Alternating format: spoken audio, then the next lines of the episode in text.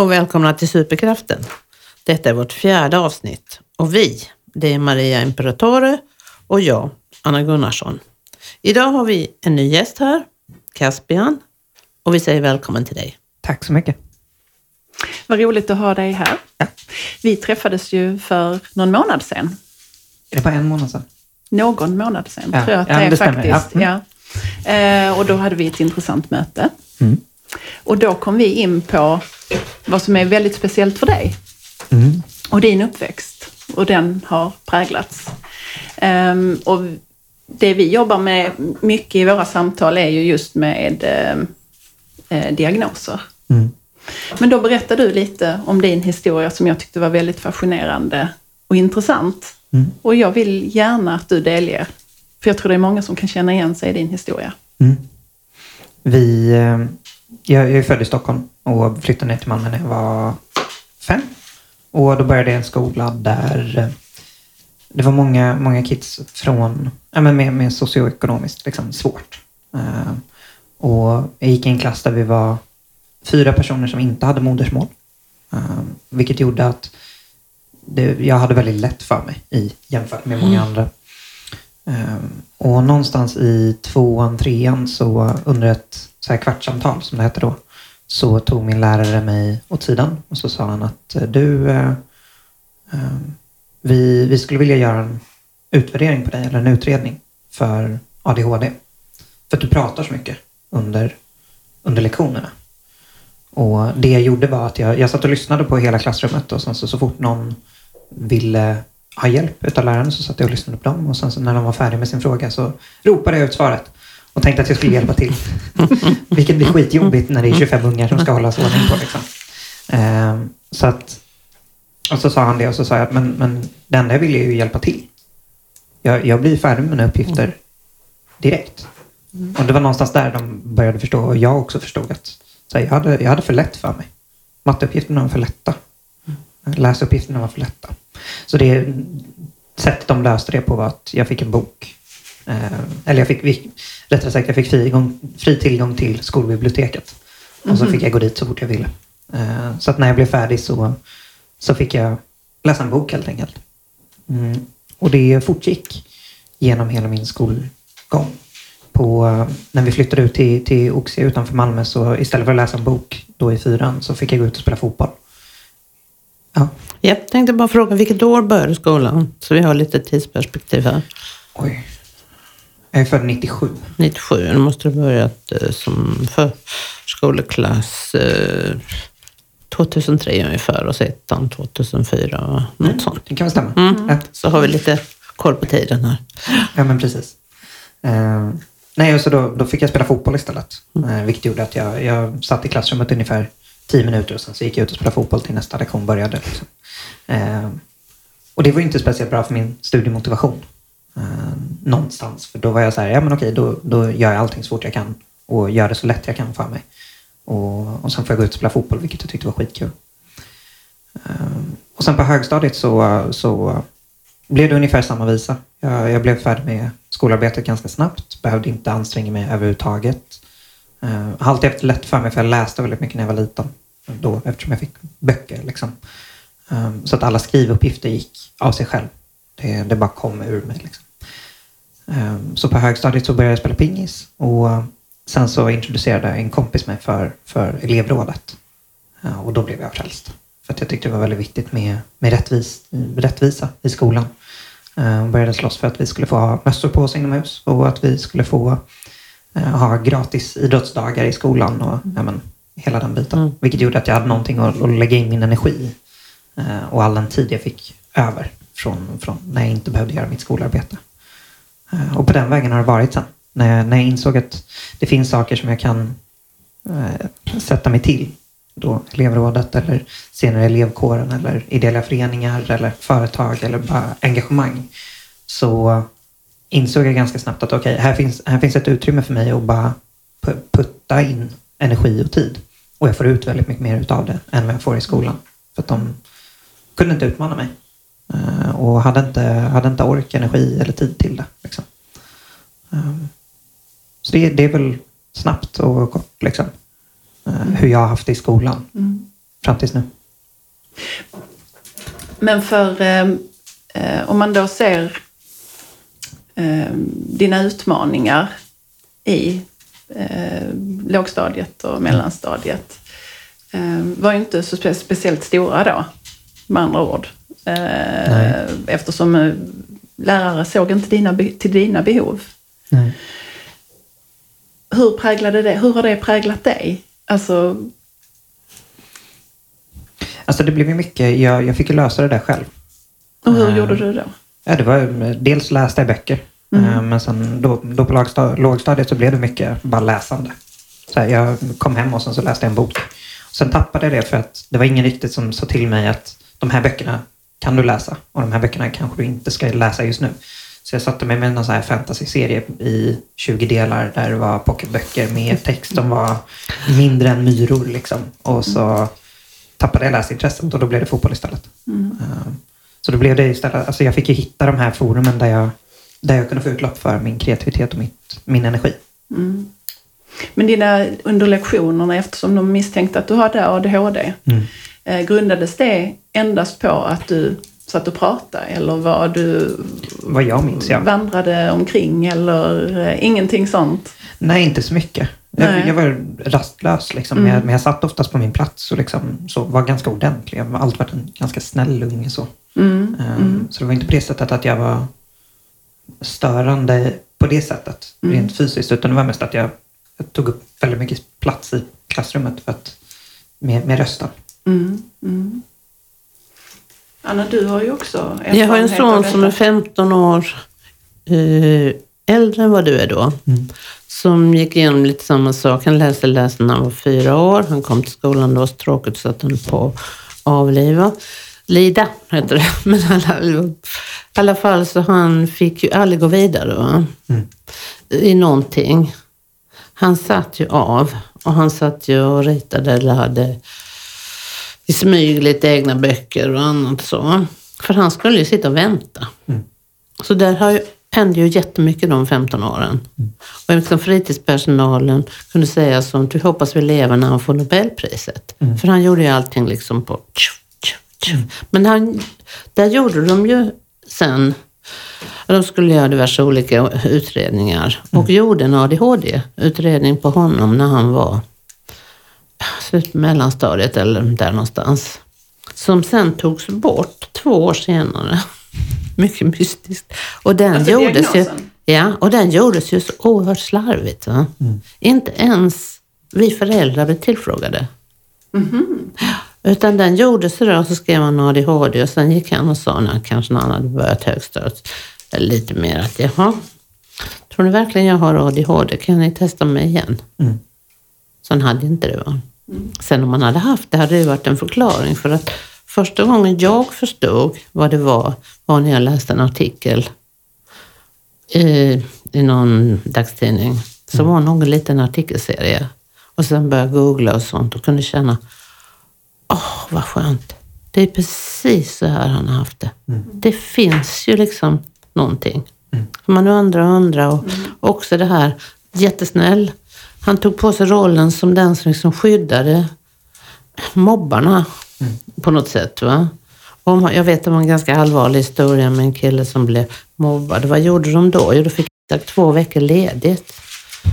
För han visste inte vad han skulle... De visste inte på skolan vad de skulle göra med honom. Så är det då- någonting som du kan känna igen? Att de inte visste vad de skulle göra med mig. Ja. Ja, absolut. Ingenting. Absolut. Nej men det var, alltså så här, det, på högstadiet så, det här med att komma vidare rent akademiskt. Alltså, Mellanstadiet och högstadiet fick jag lite utmaningar i matten. Men då var det att man gav mig en mattebok och sen inga förklaringar egentligen. Eh, så att de, de hade ingen aning. Uh, jätte, jätteduktiga pedagoger men de hade inte tid, de hade inte eh, kunskap kring vad de kunde göra med mig. Och det, det, är helt, det här har alltid fascinerat mig väldigt mycket eftersom jag då sitter med barn med, med sina diagnoser och, och där har man väldigt lite kunskap. Men så har jag också varit fascinerad just med den här gruppen Mm. som, som det är då. Och där man har... Det, det, jag tycker det är jättemärkligt att inte kunna utmana Mm. en individ, en, en elev. ehm, och, och se till dess kap- kapacitet. Mm. Vad hade du önskat att de gjorde? Fick du flytta upp i klass? Eller? Nej, det aldrig. fanns inte något. Ja, det var lite prat om det det. Men, men det var liksom ingenting som man egentligen ville göra.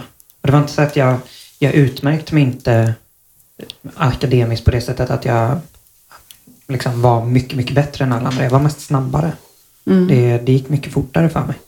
Eh, ja. Precis samma sak med min son då. Och det gjorde ju att han blev väldigt uttråkad. Va? Alltså han satt ju av så mycket dödtid. Va? Så att sen så satte han ju sig, på tvären i tonåren. Va? Och tyckte bara det var skit alltihop. Va? Och började skolka. Och, eh, däremot har han ju också alltid varit en stor läsare. Va? Så han kunde ju gå och sätta sig någonstans i något fik eller i biblioteket i stan eller något sånt och läsa istället sina egna just fantasyböcker med bokstäver som man knappt kan se. Ja, och precis. mycket annat också. Ja. Nej, men för det här, och, och just... Jag tycker också att detta är intressant för att då, då vill man... Man vill alltid sätta in, när, det inte, när man inte följer normen, då ska man sättas in i ett fack och då vill man sätta in i ADHD för att då blir det, då blir det enkelt och så ser man här att det är ju inte alls Nej. de tendenserna överhuvudtaget. Och det är väl också det vi vill lite belysa här, att man kan inte bara, bara, för, att en, bara för att man inte följer, eh, så behöver man ju inte göra problemen ännu värre. Nej. Eh, och man behöver inte sätta en diagnos, utan att bara gå till individen i sig. Mm. Ja, men precis. Men då har du ju hittat din kreativitet. Alltså du blev ju väldigt kreativ Mm. eh, nu i vuxen ålder också. Att du hittar dina... Du, du har varit tvungen att hitta egna vägar helt enkelt. Ja, jo men absolut. Och det tror jag att så här, det, det är ingenting jag... Jag har inte farit illa av det här. Nej. Eh, överhuvudtaget skulle jag säga. Däremot så tror jag att jag har missat vissa möjligheter som jag hade kunnat ha annars. Alltså jag, jag hade lätt kunnat ligga långt över min akademiska kompetens just nu. Mm. Jag hade kunnat plugga på helt andra ställen, plugga helt andra saker. Precis samma säger min son. Ja. Och det- Precis samma sak han säger att varför blev det inte så istället? Va? Varför var det ingen som, som hjälpte mig dit? Va? Vi föräldrar tjatade och höll på men det var liksom det var lönlöst. Ja, och det är så här, det... Då det, fick man inte ens flytta upp. Ursäkta jag avbröt Ja, nu. Men, mm, Nej, och så är det ju. Här, jag, jag ser ingen riktig... För mig har det inte varit någon poäng med att eh, älta det för min egen del. Just för att jag har hittat de här andra utloppskällorna. Um, däremot så ser jag min lillebror till exempel som också är jättebegåvad men inte har den sociala biten. Uh, vilket jag hade. Jag var kompis med alla. Liksom. Jag hängde med alla. Uh, och han som inte har den sociala biten kommer få det svårare att- utforska den typen av kreativitet som jag kan göra. Genom att starta projekt, genom att träffa människor, genom att hänga med liksom, Mm. eh, andra människor. Eh, och där, där är det problematiskt, tycker jag. Eh, just att människor som, som inte har den turen eller den typen av personlighet som jag har kan ju fara väldigt, väldigt illa av att inte bli utmanade akademiskt. Mm. Eh, där tror jag att det finns en fara. så var det för min son. Mm. Det blev destruktiva beteenden och även om han är väldigt snäll och eh, så har han varit en väldigt stor, eller är en stor individualist och, han, s- och inte så social. Han har alltid haft kompisar, han har inte blivit mobbad eller sådana saker. Men han har alltid haft en liten inre krets. Va? Så han har inte sträckt sig så långt. Nej. Men detta har ju förändrats. Speciellt väldigt mycket sen han som verkligen gav sig 17 på något. Så han vann ju världsmästerskap i helgen i styrkelyft i Sankt Petersburg. Och det är inte dåligt. Nej. Efter allt vad, allt det, den brist på målmedvetenhet som han tappade. Va? Därför att han hade så tråkigt. Mm, det är fantastiskt. Mm. Men vad, vad känner du? Vad, vad, hur känner du att skolan skulle ha agerat? Jag, jag tror att dels, dels introducera de här andra sammanhangen för mig hade det funkat väldigt bra. Alltså introducera eh, elevråd och, och andra föreningar på ett helt annat sätt. Alltså eh, kanske politiska partier. Den, den typen av engagemang som jag hade kunnat ha. Eh, akademiskt så tror jag att det handlar om dels så här specialpedagoger som faktiskt vet hur man utmanar och som kan ta sig den tiden och få den tiden. Ehm, men också så här, bara ge, ge lite extra tid. Jag hade inte haft några problem med att sitta typ hela sommarlovet. Det, det var inget problem för mig. Men det Sitta och arbeta hela sommarlovet. alltså det var var- inte, du kände att du... Ja, men jag var där på, Ja. på sommarlovet och hämtade böcker på högstadiet. Mm. Eh, för att jag var uttråkad. Sen läste jag inte dem. För att det fanns ingen poäng i att läsa dem. Men, men, men den typen av ge lite extra tid och ge extra resurser framförallt Mm. hade varit väldigt, väldigt användbart för mig. Ser du det som att, det skulle, att det är en svår ehm, utmaning för pedagogerna? Eller? Ja, men jag tror att alltså det, nu läser jag pedagogik på, Mm. på universitetet och vet precis hur lärarnas situation ser ut. Alltså vi har ju fått läsa om, om hur tidspressade de är. Mm. Och jag har pratat med en, med en hel del lärare i efterhand. Liksom. Eh, och jag vet vilka krav de har på sig. Och framförallt så vet jag också att det, det behövs otroliga resurser för de som har det svårt. Och de som har det tungt. Liksom. Mm. Eh, och jag förstår att det ligger ett större fokus på att lyfta de som inte kan. Eller som, inte, som, som behöver lyftas. eh, för att man ska höja liksom, den, den lägsta nivån. Eh, och därför tror jag också att den här högsta nivån eh, kan bortprioriteras. Eh, För att de, de presterar ju ändå, de klarar sig. Eh, Vilket är väldigt tråkigt. Men jag tror att hade man haft mer resurser så hade man kunnat lägga dem på, på den här övre, eh, om man ska säga, presentilen. Eh, För att utmana dem. Jag tänkte bara att nu är det 15 år emellan då i tid. Mm. Men eh, din eh, uttråkning, den övergick aldrig någon slags skolförakt. Som det under en lång tid gjorde för min son. Ja, alltså den har gjort nu. Nu har den gjort det. Mm. Um, universitetet har liksom inte lockat mig överhuvudtaget. Mm. Um, det är egentligen enda anledningen till att jag går på universitetet är för att jag känner att det finns ett behov av att ha det här pappret i slutet. Mm. Liksom. Mm. Ehm, men nej, jag tyckte väldigt mycket, jag hade väldigt duktiga pedagoger runt mig också som, som gav mig, även om man inte liksom utmanade mig akademiskt, så hade jag liksom, ja, men fick uppmuntring och väldigt mycket stöd. Så det var någon som höll mig i ryggen hela tiden och sa att det kommer bli bra. Liksom. Ehm, så jag tror att det var en väldigt stor del i det, att jag hade, Mm. hade den typen av stöd från skolan. Och jag tyckte aldrig om att vara i skolan framförallt. Du tyckte om att vara i skolan? Nej, Mm. Jag hörde gjorde det. Mm. i byggnaden. Liksom. Men det var Mm. inte nödvändigtvis inne på lektionerna utan jag kunde sitta i lärarrummet eller stå vid Mhm. pingisbordet eller sitta i... Vi hade en, eh, på högstadiet så hade vi en, eh, kallades hon, skoladministratör tror jag hon hade som titel. Som hade ett litet biblioteksliknande rum mitt i skolan. Och där hängde jag en hel del och satt och snackade med henne. Mm. Så att jag, jag tyckte om att vara där. Men, men just det här akademiska var, var kanske bristfälligt. Liksom. Mm, min son hade en slöjdlärare. Mm. Lite flykt, flyktställe. Mm. Men eh, det kom ganska tidigt det där att eh, vad ska man egentligen där och göra? Mm. Och det är ju fruktansvärt tråkigt. Ja, ja men absolut. Och man missar ju väldigt, väldigt mycket om man, man kanske också vill göra. Men för att jag, jag ser ju det här, jag ser ju det som väldigt tragiskt att det är, det är skönt att du ändå har haft, Mm. haft det bra, men om du bara hade bemötts och fått utveckla dig där. För vad jag, om jag inte minns helt fel så, så någonting som du saknade efter skolan var att du inte hade någon studieteknik Mm. eller sådär. Ja. Nej, jag, jag kan ju inte plugga överhuvudtaget. Det är, jag är fruktansvärt dålig på det. Jag kan läsa böcker, men jag har ju inte, jag har inte den där... Så här, jag, jag vet inte hur man gör när man pluggar. Svenskarna är dåliga på det. Väldigt dåliga på att lära ut det. Ja. Jo, men och där har funnits resurser, absolut. Men, men jag har ju aldrig behövt lära mig, så jag har inte velat. Bland annat har jag, har jag en son som gått all sin skolgång i England. Mm. När vi bodde där. Och han, eh, fick, han hade ju studieteknik från trean, fyran. Alltså som, på ett sätt som mina andra söner då, som har gått svensk skola, aldrig har befunnit sig i närheten av. Så det är ju också en teknik som man lär ut. Verkligen. Och det kan vi inte här. Jag hoppas att de idag kan det lite bättre, men jag är inte säker på det. Nej.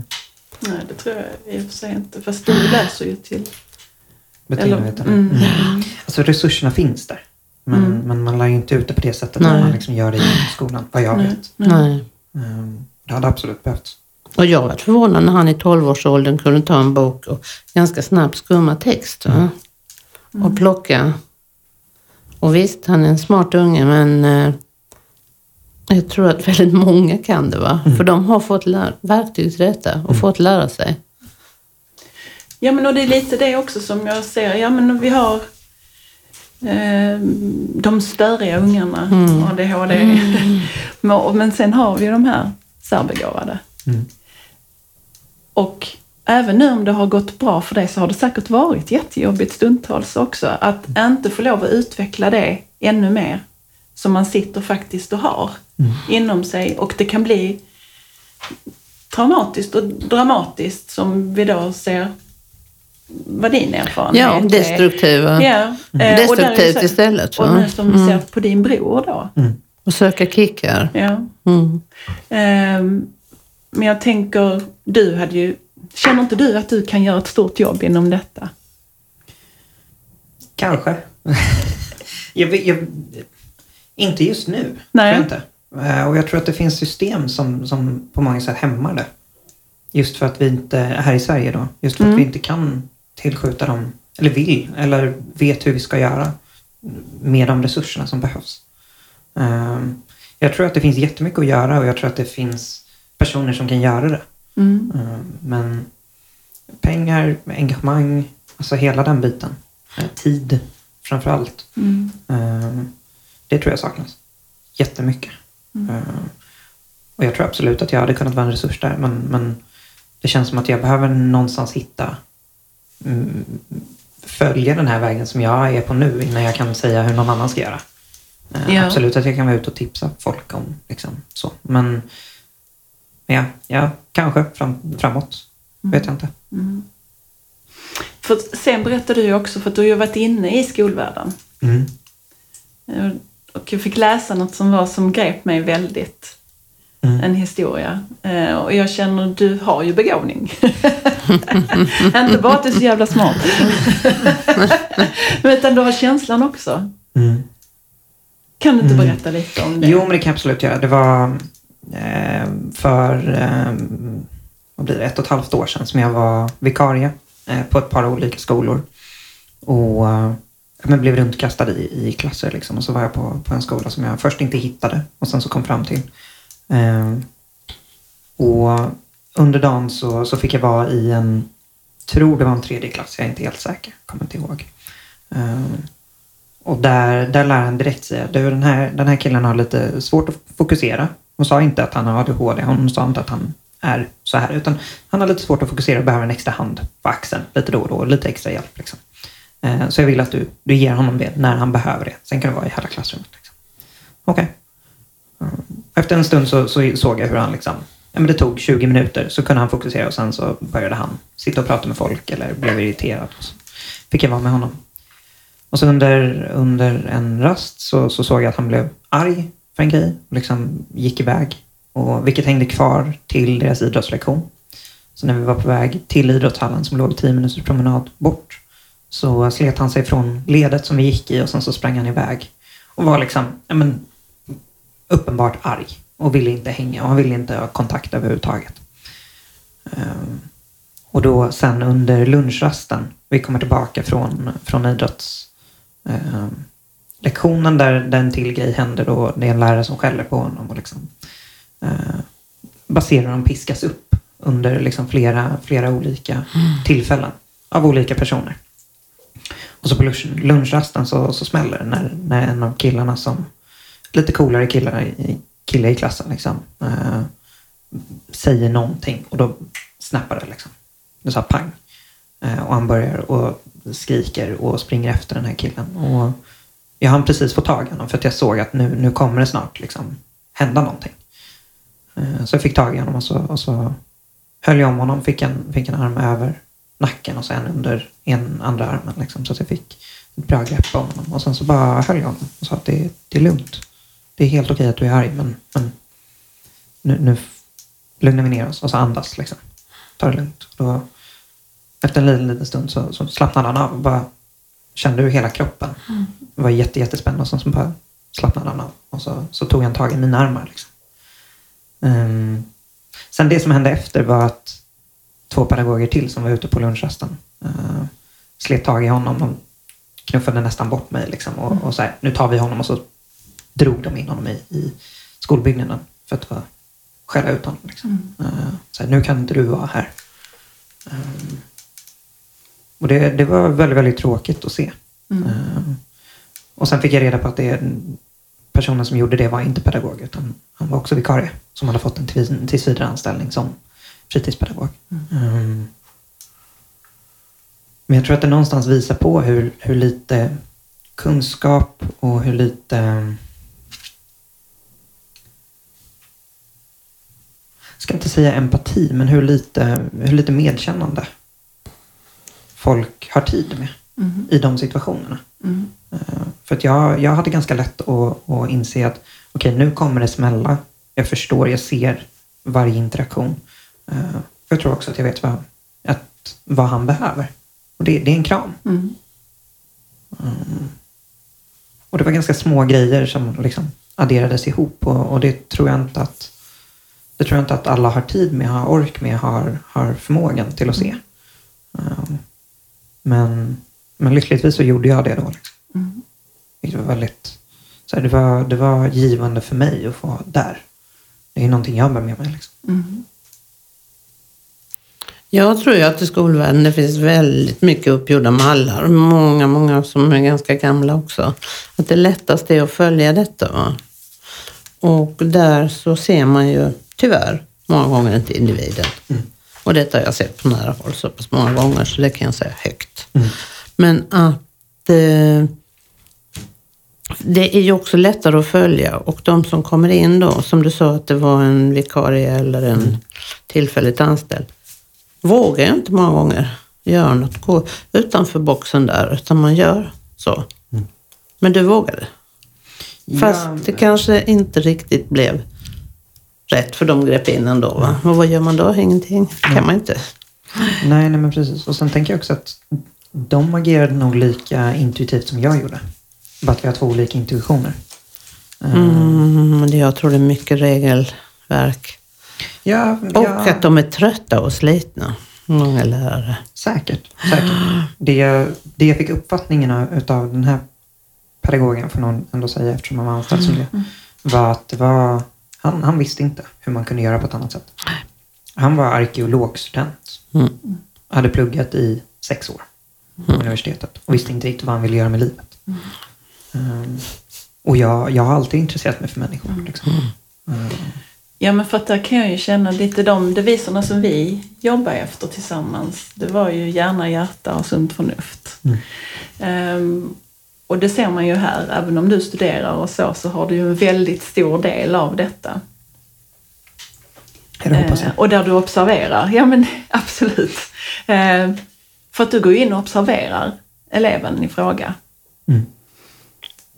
Ehm, Ja, men det tror jag handlar också om, om så här, vad, vad jag har hemifrån. Mamma är socionom och har alltid pratat om sitt jobb. mm, Och jobbat väldigt, väldigt mycket. mm, Och, och vi har fått, eller jag, jag har fått ta del av mycket av det. Och liksom förstå hur människor funkar. mm, Och också så här, blivit ganska matad med att människor är alltid människor. Jag är är prästbarn så jag har ju haft ungefär likadant. Nej men det tror jag är jätteviktigt. Ja, just i, visst. Mm. Humanism, ja, människovärde. ja, precis, precis. Man lär sig. Får man lära sig tidigt också. Mm. Så tror jag Jag man tycker bär det- något gott med sig. Mm. Jag tycker det är en väldigt gripande historia i alla Mm. fall och jag tycker att du gjorde helt rätt måste jag säga. Fantastiskt bra jobbat. Fruktansvärt att de kom och tog barnet där sen bara men, men eh, du har ju bemött honom som ingen annan har gjort kan Mm. jag tänka. Ja, det hoppas jag.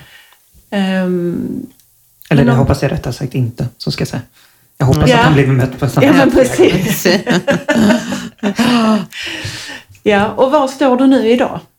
Var har du liksom, om vi ska komma tillbaka till med din bakgrund och eh, vad du har tagit med dig. Var står du idag? Vad jag gör eller vad jag tänker eller vad jag... Både och faktiskt. Både och. Hur har, hur har, din, hur har din uppväxt präglat dig, alltså genom skollivet och gjort att du har tagit de valen idag? Alltså, mm. Jag gick igenom... Försöka, jag ska försöka greppa Mm. tag i någonting så ser jag vart Mm. landar. Um, jag pluggar på universitetet idag, beteendevetenskap Mm. i Lund. ehm, med pedagogisk inriktning. Och har gjort det i snart ett och ett halvt år. Och någonstans i slutet av förra terminen så, så insåg jag... Jag fick, jag fick träffa mammas handledare och så satt vi och snackade i två timmar. Eh, För då hade jag gått hela förra, eh, från januari till maj ungefär och sagt att jag är bara i skolan för att, för att få det här pappret. Jag bryr mig inte överhuvudtaget om vad jag lär mig eller vad jag får för betyg utan jag är bara här för att få pappret. Ehm, och där blev det där skolföraktet liksom att eh, det här är inte för mig egentligen men jag behöver pappret. Så att, eh, eh, och det vi satt och pratade om då var hur jag någonstans har skapat en rädsla för att inte prestera på den nivå som jag har satt för mig själv. För jag har alltid varit högpresterande. Mm. Så här, det är, mitt sämsta betyg när jag gick ut från högstadiet var ett C.